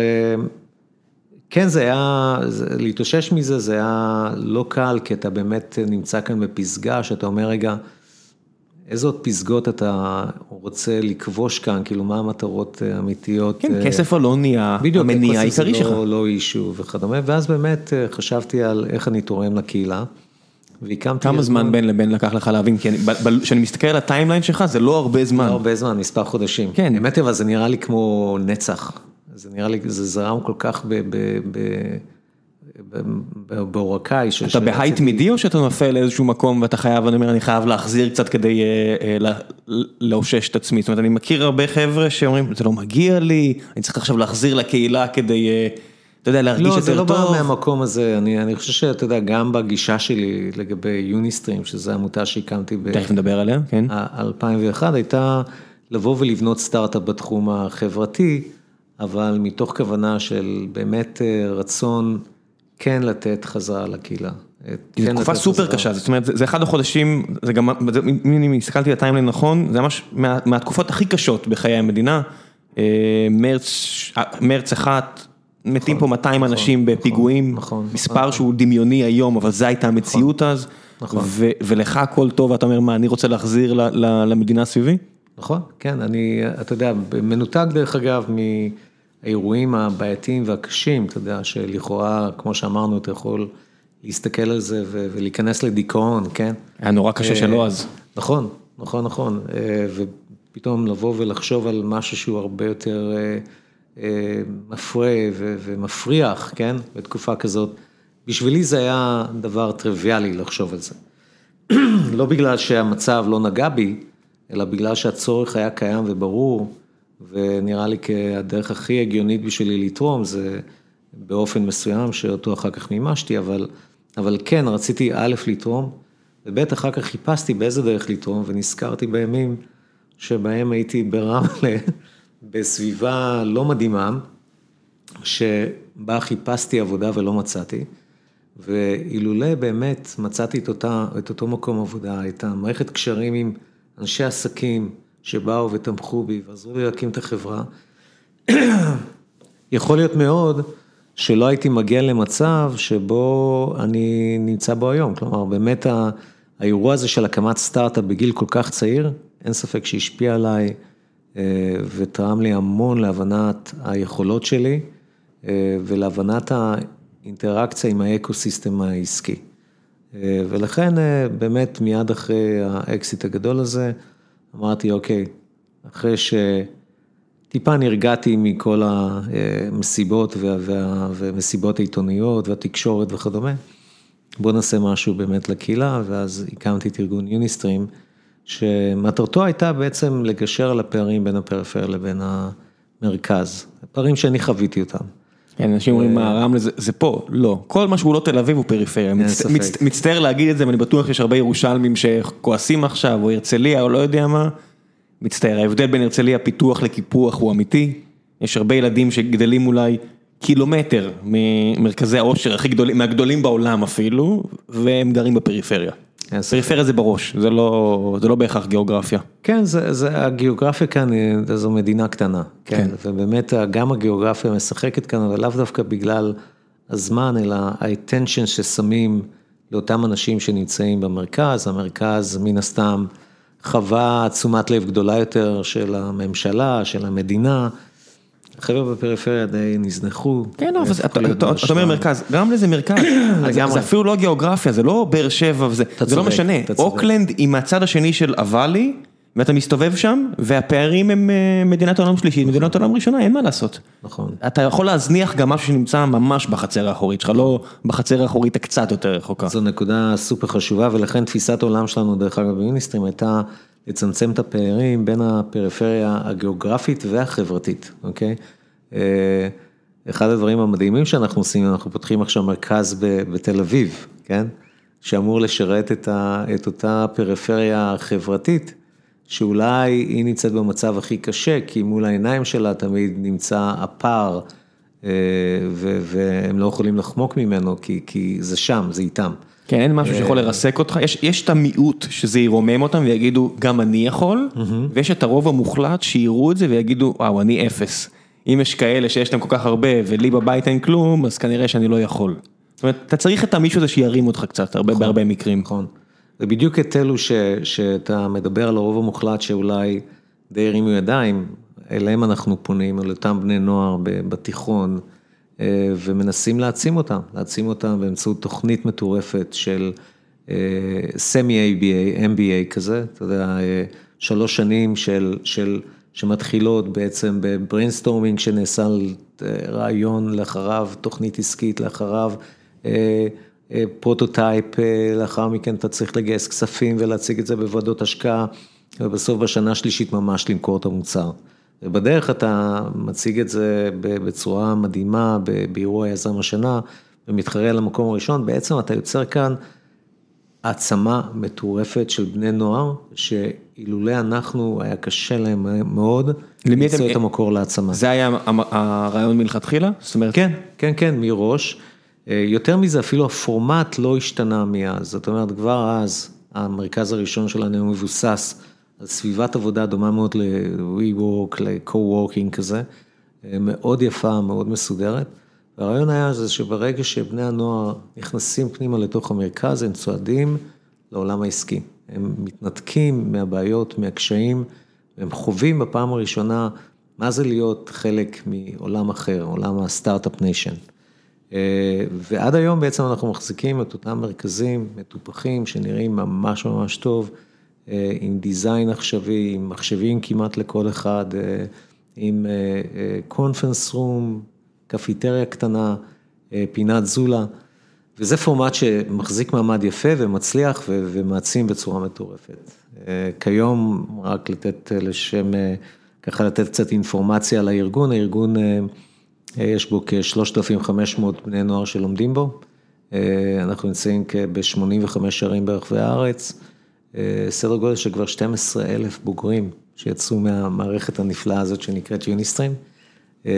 הארגון עצמו גם זכה בפרסים, האו"ם אפילו בחר בו כארגון המשפיע ביותר בעולם, השני המשפיע ביותר בעולם, זכינו בפרס להתנדב, בתחום הזה, כן, של חדשנות ומולטי קלצ'רל, וזכינו בפרס המתנדב של הנשיא ועוד הרבה מאוד אוורד שקיבלנו ברחבי העולם. מישהו עוזר לך לתקצב את זה כבר בשלב הזה? האמת היא שבהתחלה המימון כולו היה בא ממני, היום אני חלק קטן במימון. מרבית המימון מגיע מחברות, מאנשים שתורמים, פילנטרופים, הממשלה מכניסה לזה כסף, מוסדות שונים, כן, מרבית הכסף מגיע היום ממקורות אחרים. זאת אומרת, אם עכשיו חברה, לא יודע מה, הדובר של אינטל או משהו כזה עכשיו שומע את הפרק והוא רוצה ליצור איתך, אני מניח שהם כבר, בסדר, הם מכירים אותך, אבל חברות אחרות עכשיו, up and coming, שרוצות ליצור איתך קשר, אין בעיה, זאת אומרת, יש עוד עדיין איפה לדחוף ולעזור. ודאי, ודאי, ודאי, אנחנו תמיד, תמיד בצורך תמידי לעוד fund וגם, גם מטעמים של הקורונה היום, שהיום אתה, מן הסתם, כל הארגונים הפילנטרופיים סובלים ממצב מאוד מאוד קשה של חוסר יכולת לגייס כספים, ומצורך להתרחב ולהשפיע על יותר בני נוער ברחבי הארץ. בוא נ... לפני שנעשה קצת, נגיע לחלק האחרון של הפרק, מעניין אותי המעבר הזה שעשית, אם יש לנו קצת עוד זמן, יש לנו עוד 20 דקות, אני אשמח לקחת את הזמן שלך ולשאול, איך הגעת לנדל"ן? זאת אומרת, עשית מהלך שהוא לא טריוויאלי, קנית חברה מאדם שהרגשת שאני מניח שזו הזדמנות טובה לקנות את זה, זה לא טריוויאלי. לגמרי לא טריוויאלי. זה לא שאתה סוחר בקונה נדל"ן באופן פרטי וזה מניב לך והכל בסדר, אתה הלכת על משהו ציבורי. לגמרי, אני, תשמע, אני חייב להגיד לך שתמיד תפיסת העולם שלי הייתה לבזר סיכונים, לפזר אותם, ותמיד רציתי להיכנס לעולם הנדל"ן, כי בשבילי זה היה איזושהי השקעה סולידית, שבין יתר ההשקעות המטורפות שאתה עושה, היא יכולה באמת להניב לך תוצאות מדהימות, אם אתה באמת פועל בצורה שקולה בתחום הזה. ולפני ההזדמנות שבאה עם אספן, חיפשתי דרכים להיכנס לעולם הנדל"ן, ואז צצה לי ההזדמנות. ידעת שזה יהיה חברה ישראלית, זאת אומרת, יצא לי בגלל הטיסות כאלה או אחרות, הרבה פעמים אתה יושב על אנשים מאוד שונים ממך. לגמרי. ובטח שזה מקדימה של המטוס, ופתאום אתה יכול לשבת על מישהו שטס ל... לא יודע, לרומניה, וחוזר עם 5,000 יחידות דיור, או דברים כאלה, ואני תמיד הייתי מסתכל בפליאה, ואני אומר, וואו, החיים שם מאוד שונים משלי, איך בכלל חושבים על לקנות 5,000 יחידות דיור ב... לא יודע מה, צ'כיה או רומניה, ואתה הולך על ישראל. נכון. תשמע, אני באמת חשבתי שאולי נכון יותר להשקיע במקום שבו אתה מרגיש נוח יותר, אתה מכיר את הסביבה, אתה מכיר את התנאים, תנאי המקרו של המדינה, וגם לא הרגשתי צורך לבוא ולהשקיע מאמצים מיוחדים. למצוא את ההזדמנות מחוץ לגבולות מדינת ישראל. לכן כן, חיפשתי בעצם הזדמנות כאן. ו... ולמען האמת, גם אחרי החיפושים המאוד מתודיים שביצענו, שביצעה אצלי הקבוצה, בסוף נפלנו על הזדמנות כמעט בצורה אקראית, זה מטורף. ובאמת ההזדמנות הזאת של אספן צצה. מותר לספר קצת איך זה קרה? כן, בטח, אפשר, זה סיפור דווקא מאוד מעניין. כי לא הצלחתי לקרוא בדיוק מה קרה, אני רק יודע מי המעורבים. לגמרי, כן, כן, אז היו באמת עוד שני שותפים נוספים בהתחלה שהציגו את הפרויקט הזה לי, והחלטתי להיכנס איתם בשותפות, וביחד רכשנו נדמה לי 28 אחוז מהחברה, מאליעזר פישמן.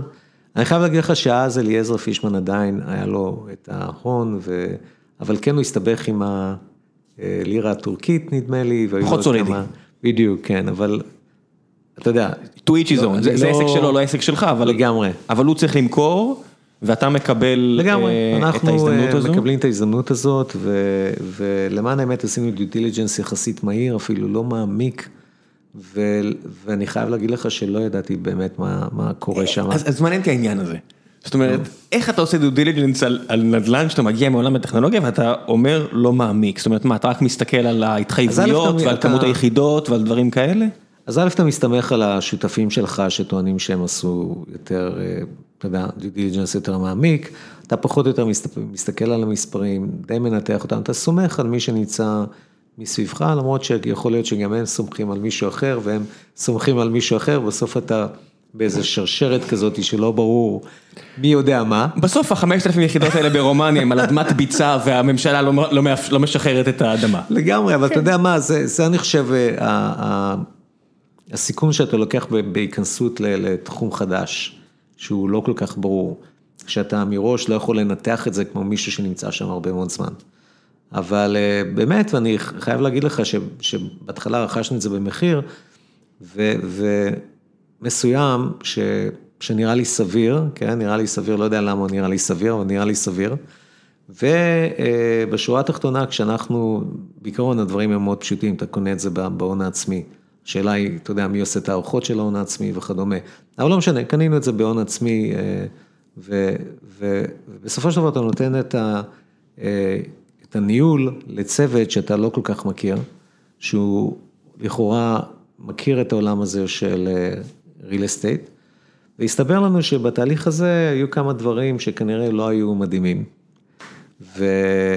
ולא היו מדהימים ב... בלשון המעטה, והייתי צריך להתערב פנימה. להתערב פנימה יותר מהתערבות רגילה של בעלים, זאת אומרת יותר מישיבות דירקטוריון או שיחות עם מנכ"ל ויו"ר? היה איזה קרייסיס מסוים שהצריך אותי ממש לבוא ולהתערב ולפתור את הקרייסיס ביחד עם ההנהלה. ברמה שמה שקלת להיכנס לניהול או יו"ר? להכניס עוד כסף לתוך החברה. זאת אומרת רק ברמת הבעלים. ברמת הבעלים, אבל ברמה שהיא באה ומדברת, הייתה שם איזו מכירה בעייתית שבה...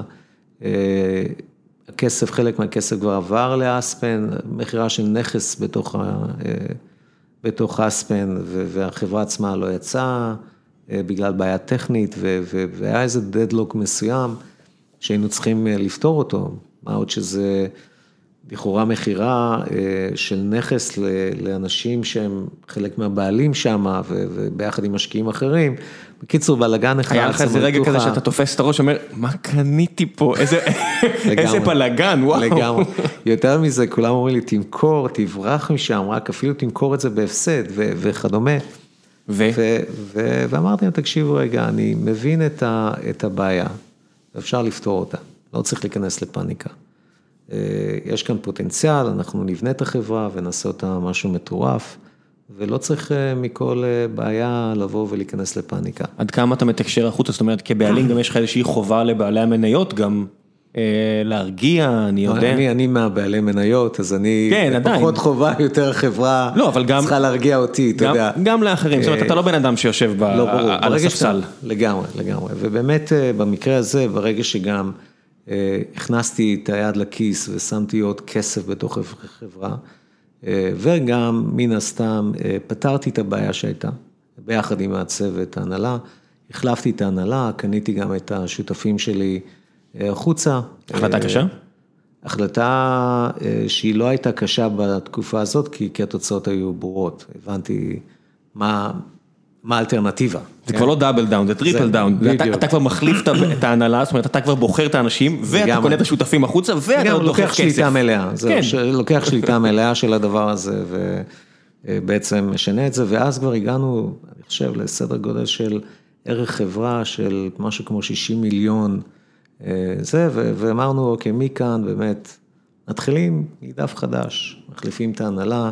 קודם כל נותנים אופציות לכל העובדים, שאתה יודע, לא, לא נשמע עליו, כן. בעולם הזה של נדל"ן, לתת אופציות לעובדים ולכולם. לכולם יש מוטיבציה? למה, שזה, למה שזה יעבוד? לגמרי, לגמרי. כן. זה, זה, אז אמרנו, בואו נכניס דברים שלמדנו בעולם ההייטק, לעולם הריל אסטייט, value book מאוד מאוד מסודר, שבו קוד התנהגות בתוך הארגון, כולל הנהלה שהגיעה עם ניסיון וידע בתחום של הבורסאי וכדומה. והקמנו בעצם חברה חדשה, כולל שינוי תדמיתי של הלוגו, של כל הדברים, כל הסממנים שמאפיינים חברה. והחלטה נוספת שקיבלתי זה להעביר את הנכסים מהארץ בעצם לחו"ל, רק בגלל בעיות מימוניות כאן בארץ. היה יותר קל לקבל כספים בחו"ל, הגיוס היה בארץ, אבל פחות כיף לעבוד עם בנקים ישראלים. בדיוק, פחות כיף. כן, בוא, בוא, לא לא צריך לברוח מזה, אתה יודע, הייתי מספיק, הייתי שנתיים בבנק, ראיתי מבפנים, פחות כיף לעבוד עם בנקים ישראלים, לגמרי. משלל סיבות. לגמרי, יש להם את כל מיני, הם קודם כל לוקחים את הכסף, אחר כך אתה יכול ליהנות מהתוצאות אחרי שהם כבר את הכסף העבירו אליהם.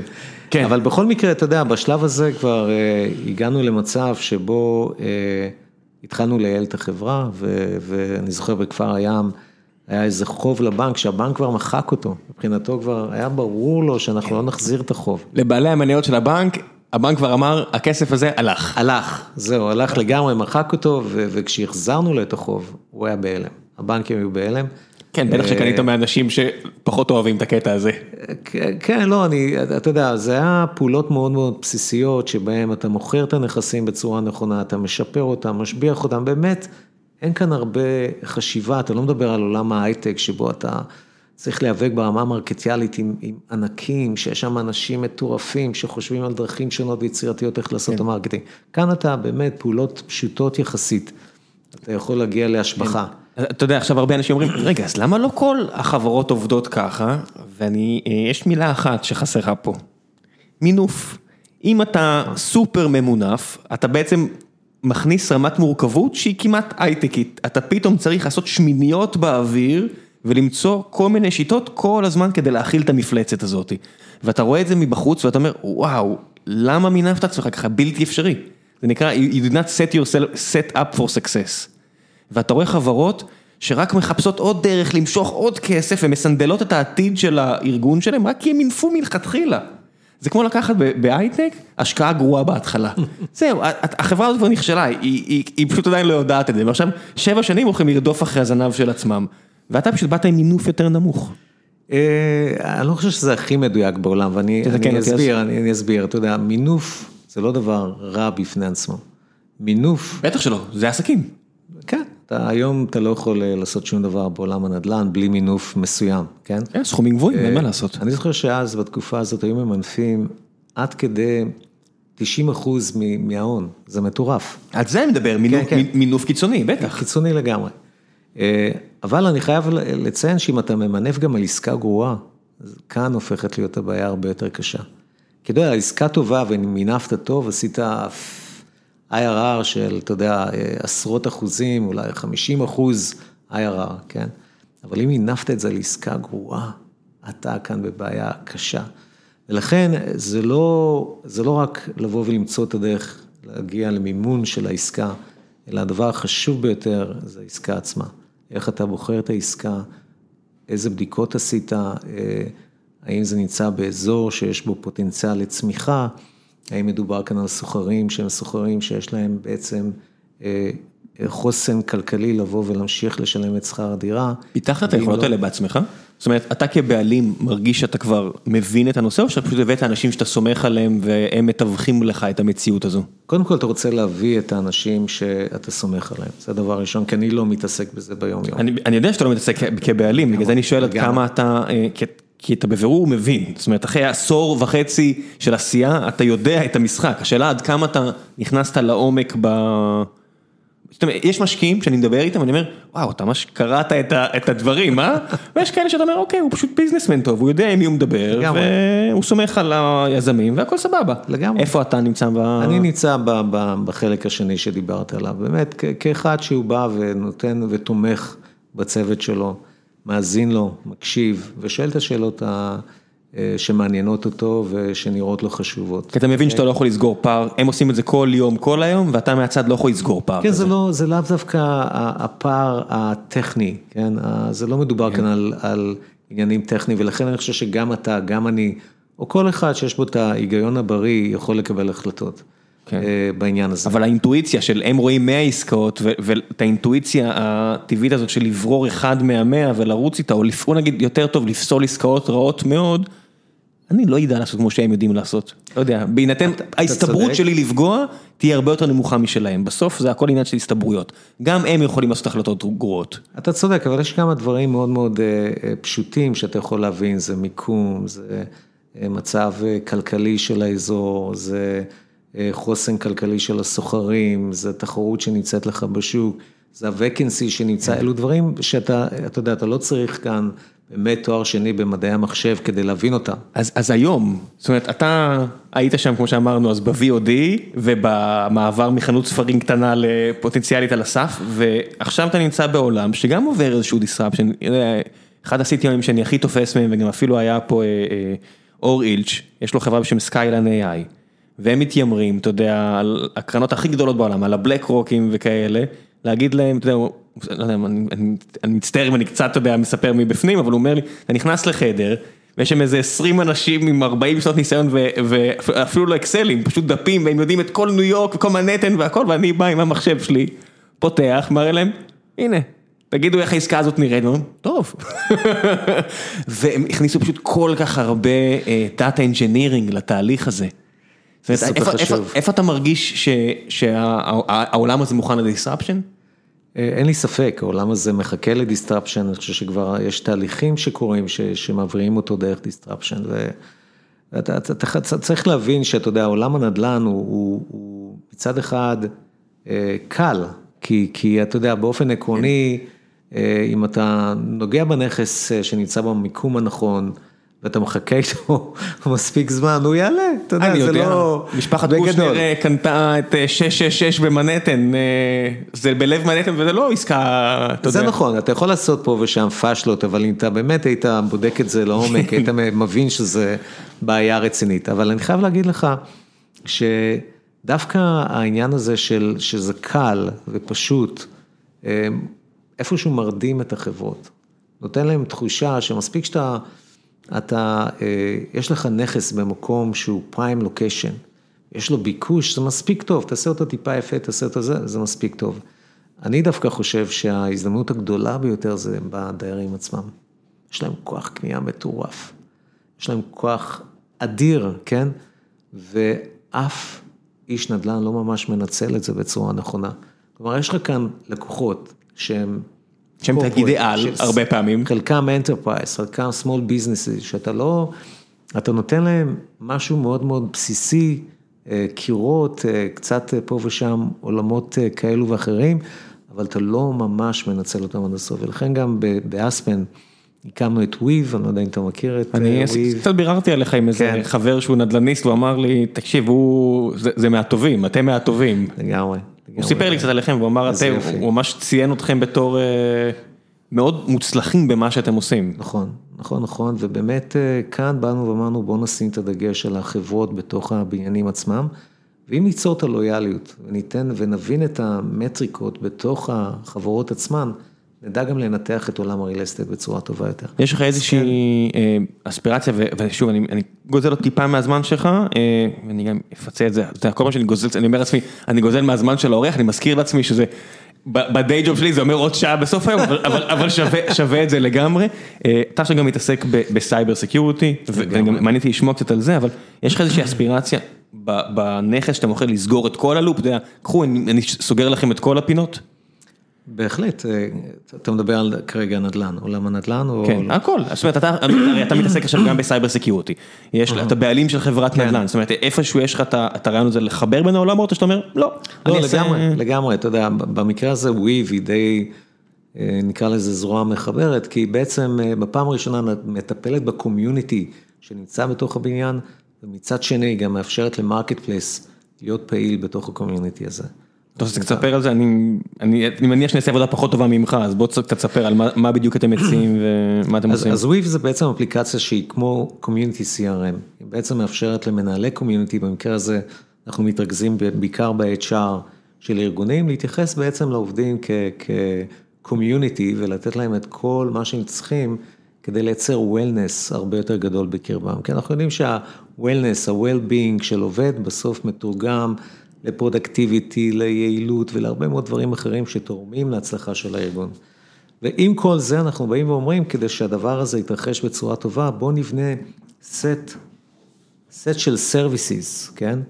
אה, מסביב לאותו member בקהילה, שכלול בתוכו גם את ה marketplace, גם ניהול של ה amenities, גם ניהול של האיבנטים, גם ניהול של, גם ניהול של אה, אה, כל הדברים שמתרחשים בסביבה שלו, של הקהילה, באופן כזה שהוא לא יצטרך להשקיע הרבה מאוד מאמצים. ו- וזה בעצם האפליקציה שאותם אנחנו, אנחנו כרגע אה, מפיצים, היא אפליקציה שזוכה לביקורות מאוד מאוד טובות, אנחנו עדיין מתחת לריידר בשלב הזה. כן, וגם אין לכם ו- אה, 12 אלף מפתחים כמו WeWork שעובדים עליה, אז אולי גם. יש לכם סיכוי להפוך את זה לרווחי. אין ספק, אין ספק, הרווחיות כאן היא אלמנט של, אתה יודע, אם אנחנו רוצים לשים דגש על רווחיות, או אנחנו רוצים כאן גדילה מהירה, אתה יודע. כן, either way, אבל זה. זה- זה- לפחות, יש חברות שאתה אומר, כמה מפתחים עובדים על זה? מה אתם מצפים שזה יעשה בעתיד כדי להצדיק את ההשקעה הזאת? אז הרבה פעמים שחברות אומרות לי, אנחנו מתחת לרדאר, אני אומר, טוב מאוד, טוב מאוד, כי זה אומר שאתם לא מתפזרים, אתם כנראה... צודק לחלוטין. יש, יש יותר מדי חברות שתחת הסיפור הזה של אנחנו נגיע לכל העולם וגודל בלתי אפשרי, אוקיי, עם הכוח פיתוח שיש לך, אני, כדאי מאוד שאתה מטיס מישהו למאדים, כי זה. לא... לגמרי, כן. לגמרי, אתה, אתה צודק, יש כאן, אה, יש, יש חיסרון שאתה כסטארט-אפ חברה קטנה, אה, יש לזה יתרון עצום, כשכחברה קטנה אתה יכול לבצע שינויים והתאמות ודיוק הרבה יותר גדול, מה שבחברה גדולה לא, זה לא קורה, כי ה product marketing הוא, הוא לא חושב כמו product marketing בתוך אה, חברה קטנה. יש שכבה של הנהלה מאוד שמנה, בלי, נכון. בלי להעליב אף אחד, שרק חושבים על התוכנית החמש שנתית והכל, ו- ומעמיסים על אנשים, בוא תעזור לי להכין את התוכנית של ה... לא רבעון קדימה או כיערים, בוא תעשה לי את החמש חמש שנים, אני אומר, מה, אני סטלין? מה אתה רוצה עכשיו תוכנית חמש שנים, מה נסגר איתך? לגמרי. זאת אומרת, תעשה את העבודה שלך, אני אעשה את העבודה שלי, אבל מה שקורה, הרבה פעמים ההנהלה משתקת את הארגון במקומות האלה. לגמרי, לגמרי, לגמרי, ולכן זה היתרון העצום שלנו, וכרגע אנחנו נמצאים במצב שבו אנחנו רוצים לדייק את המוצר כמה שיותר. בסופו של דבר אתה רוצה ליצור מוצר שהוא frictionless, ה onboarding הוא חשוב בו, אה, המוצר עצמו מדייק לצרכים של הלקוחות, ו- ואין טעם כרגע לריצה תהומית לבוא ולתפוס market share בשלב הזה. מה גם שכל העולם טיפה הפוך. צריך להגיד את האמת, יצא לי לשבת לא מעט בתקופה האחרונה עם כל מיני חבר'ה שעושים חיים בעולמות האלה שאתה מדבר עליהם, ועם כמה שאנשים אופטימיים, אתה עדיין לא יודע מה יהיה. נכון. זאת אומרת, נדל"ן מסחרי, וכל העניין הזה של... אני אישית לא מאמין, זאת אומרת, אני, אני אשים, דבר, אשים את זה על השולחן, אני לא מאמין בעבודה מהבית אה, ככלל לכל הארגון. Me too. אה, גם, אה, אני יודע שכולם אומרים, תראה אבל פייסבוק עשו את זה, אז אם הם יכולים, כולם יכולים. אני מדבר עם חברים אה, מפייסבוק, בלי לדבר שמות, לא יודע אם בארץ או בחו"ל, והם אומרים לי, מורטים את השיער. כן, מילא האנשים אה, עם המשפחות, אנשים חושבים שמה שקשה זה אנשים עם משפחות. ובאמת, כשהתחיל לזה, אני אומר, יש לי ילד קטן, אני אומר, וואו, זה כל כך מאתגר ובלי מסגרת. לא, הרבה פעמים קשה, זה הרווקים, שהם צריכים את הסוציאליות הזאת, חלק. מקהילה. הם. בבית לבד, ואנחנו יצורים חברתיים, לא יעזור. זה נכון. אתה שם בן אדם לבד בבית, ואתה מצפה שהוא יהיה פרודקטיבי, אז בסדר. חודש ראשון הוא ייתן burst של 12 שעות, וכולם יגידו, וואו, באמת האופוריה בתעשייה, הנה בוא נסגור את המשרדים, בוא נדבר עוד שנה. בואו, קודם בואו. כל אני מסכים איתך לחלוטין, אני, אני חושב שאתה יודע, זה טעות לחשוב שמה שהיה לפני הקורונה לא יחזור לעולם, ואתה שומע את זה כל כך הרבה פעמים. אולי זה לא יחזור לגמרי, בסדר? אני, אני, לנו יש עובדים שעובדים ככה מהבית, והם נהדרים, הם מדהימים, תביא לי רק אינסוף כאלה. אבל אני מבין שהם אאוטליירים ברמה של הספקטרום האנושי. לגמרי. יש כאלה, בסדר? והם באמת היו מאלה שהיה להם קשה כל יום להיכנס לאוטו, לאוטובוס ולהגיע למשרד, והם ראו בזה עול, והם עכשיו השתחררו, והכל טוב. מעולה. נכון. ויש הרבה אחרים, יש לי עובדת ששולחת לי הודעה, היי, אני רק רוצה לשמוע, רק לשמוע בן אדם, ואכפת לך עוד לשיחה, אמרתי בטח, כי חסר להם. כי נכון, חסר להם, אבל נכון. אתה צריך לתת שירות לכולם, אז אתה אומר, האם זה יחזור לפני הקורונה? לא, כי אני חושב שיש הרבה אנשים שיוכיחו בחצי שנה, השנה הזאת, שהם פרודקטיביים וטובים והכול, ויש הרבה אחרים שיחזרו למשרד ברגע שייתנו להם את האפשרות. אז אני חושב שזה יחזור לפני הקורונה ואפילו יותר. מעניין. כי אני, אני ראיתי את הטרנד שהיה לפני הקורונה, אני חושב שהוא unstoppable, הוא uh, הרצון להיות בהאקתונים, להיות בתוך uh, כנסים, uh, לעשות את הנטוורקינג, לא יחלוף לעולם, כי זה צורך מאוד מאוד בסיסי בעולם העסקים. וברגע שאנשים יתחילו לעשות את זה, אף אחד לא יוכל לשבת מהצד ולצפות בזה בלי להיות, לקחת חלק בזה.